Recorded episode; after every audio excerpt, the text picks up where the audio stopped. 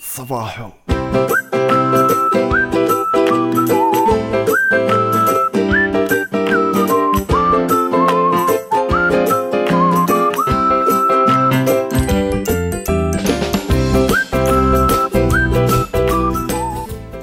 يا صباحو. صبحكم الله بالخير أعزائي المستمعين. شاكر لكم تفاعلكم ورسائلكم وتشجيعكم. الصبحية هذه راح تكون مميزة. لأن صاحب الصبحية هذه والشخص اللي بتكلم عليه في الصبحية هذه شخص مميز ولازم أميزه. أدري إنكم آه، حبيتوا الموسيقى هذه المنعشة لكن مضطر إني أغيرها مع الحديث عن هذا الشخص المميز اللي قلت لكم عنه. راح تعرفوه بعد هالفاصل.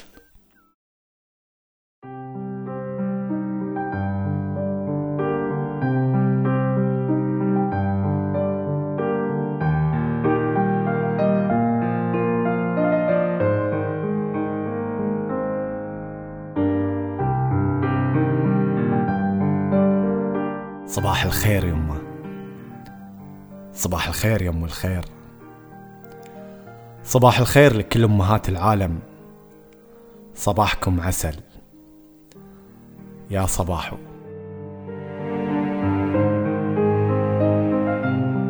كلنا نتذكر وإحنا صغار شلون كانت أمي وأمك يصحون من الفجر مثل هالحزة ويجهزون لنا فطورنا وملابسنا. تغسل وجهنا وتعدل هندامنا وتحضر لنا الفسحة سندويشة من ايدها مع علبة عصير أو كاس حليب. ترش لنا من ذاك العطر وابتسامتها تشرح الصدر. توصلك لباب الشارع إلين يجيك السواق وياخذك. وهي بعدها تطالع فيك وتطمن. وبعد ما تروح أنت مدرستك ترجع هي لشغلها بالبيت. تطبخ وتكنس وتغسل وكل هذا عشان منو؟ عشانك انت وابوك واخوانك. عشان ترجعون البيت وتلاقون الغدا جاهز وملابسكم جاهزة ومرتبة والبيت نظيف وصحي وغرفتك أحلى ما يكون. ما تنام إلا لما تطمن إنك تعشيت وذاكرت. تخاف على مستقبلك. تبيك تصير أحسن واحد بهالمجتمع. تحلم باليوم اللي تجي فيه وانت متخرج دكتور أو مهندس وترفع راسها فيك. تحلم بيوم زواجك. رغم أن زوجتك بتاخذك منها واهتمامك ما بيكون مثل أول فيها ورغم أنك بتروح عنها إلا أنها تكون سعيدة وفرحانة. عشان إن أنت بتصير سعيد وفرحان مع شريكة حياتك. عاد هني شلون أنت بتجازيها؟ تتركها وتنسى كل أيام الطفولة وسهرها وعناها؟ أو بتظل ذاك الولد البار اللي ما يغير شيء على أمه؟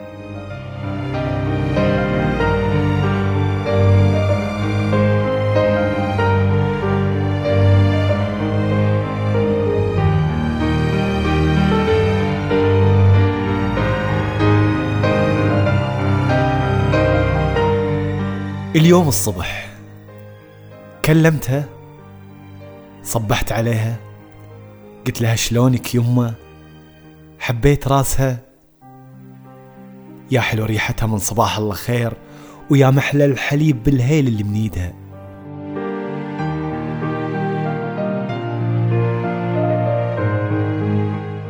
أتذكر إن واحد من الأصدقاء قال لي سالفة. يقول بينما هم جالسين في الديوانية وكانوا يسولفون عن الأم وعن الأب شلون كل شخص يخدم أمه وأبوه. فنط واحد من الشباب وقال تصدقون عاد إني ما عمري في حياتي حبيت راس أمي ولا حبيت راس أبوي. طالعوا فيه قالوا له من صدقك؟ قال إي والله ما عمري حبيت راسها. يقول صديقي أخذه على جنب وقال له اليوم وأنت راجع البيت وروح لأمك. وبوس راسها وإيدها وبيك تبلغني بردة فعلها. يقول بعد يوم ولا يومين قابل صديقه واسأله قال له ها سويت اللي قلت لك عليه؟ قال ما طاوعني قلبي مو متعود. قال له حرام عليك. حرام عليك. أمك كبيرة في السن وفي أي وقت تروح منك الاعمار بيد الله. ترضى تروح منك وانت ما حبيت راسها ما فرحت قلبها. بعد يومين ثلاثة دق عليه صاحبه وقال له أبشرك حبيت راس أمي وإيدها. سأله وقال له شنو ردة فعلها؟ قال أول ما شافتني حبيت راسها وحبيت إيدها أحضنتني وقامت تبكي من الفرح. تقول ما توقعت إن في يوم من الأيام تجيني وتحب راسي وتحب إيدي. لأنك مو متعود على هالشي اليوم اليوم هو أسعد يوم في حياتي.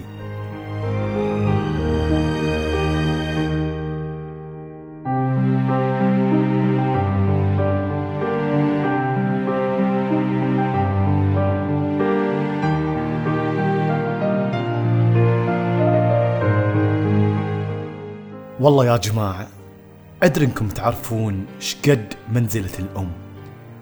لكن تكلمت عن هالإنسانة من باب التذكير. الرسول صلى الله عليه وآله وسلم يقول أمك ثم أمك ثم أمك. يبي يأكد على منزلتها. إذا أنك بعدك ما طلعت الدوام مر عليها سلم عليها وحب راسها. تحسس يدينها الخشنة واعرف ليش يدينها صارت خشنة. صارت خشنة عشان تلين لك ملابسك وعشان تغسل لك صحونك. طالع في عيونها والتعب اللي فيها واسأل نفسك ليش عيونها تعبانة؟ تعبانة من سهر الليالي اللي كنت فيها مريض. أمك ما تنساك بصلاتها. أنت بعد لا تنساها بصلاتك. ابتسم في وجهها قبل ما تطلع. وإذا أنك طلعت الدوام دق عليها جوال على الأقل. وسولف معاها شوي. خلها تحس إن بعدك قريب وتحاتيها مثل ما هي تحاتيك.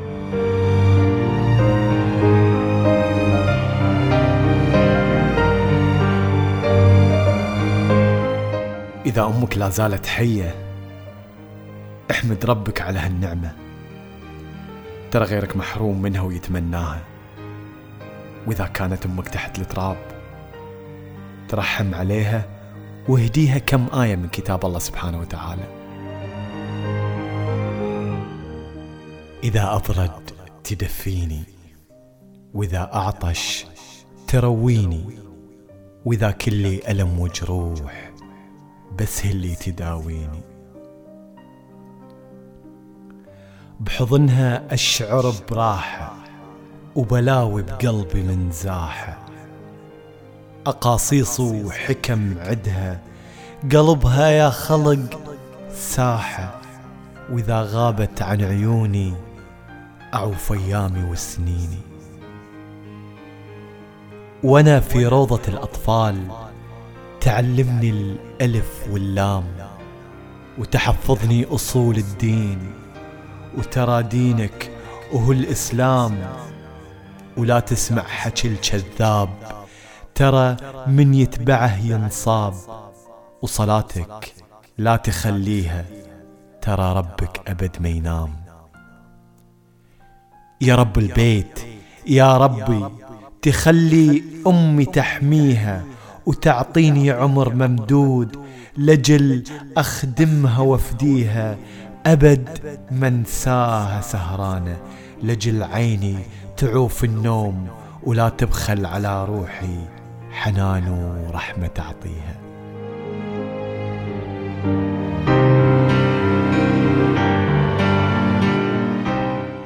يمه أم أحمد إذا كنت تسمعين هالحلقة ما بي منك إلا دعوة إن الله يوفقني أنا وإخواني. وأنت بعد يلي تسمع الحلقة. ارسل هالحلقة لأمك وفرحها. خل تدعي لك. ترى دعاء الأم مستجاب.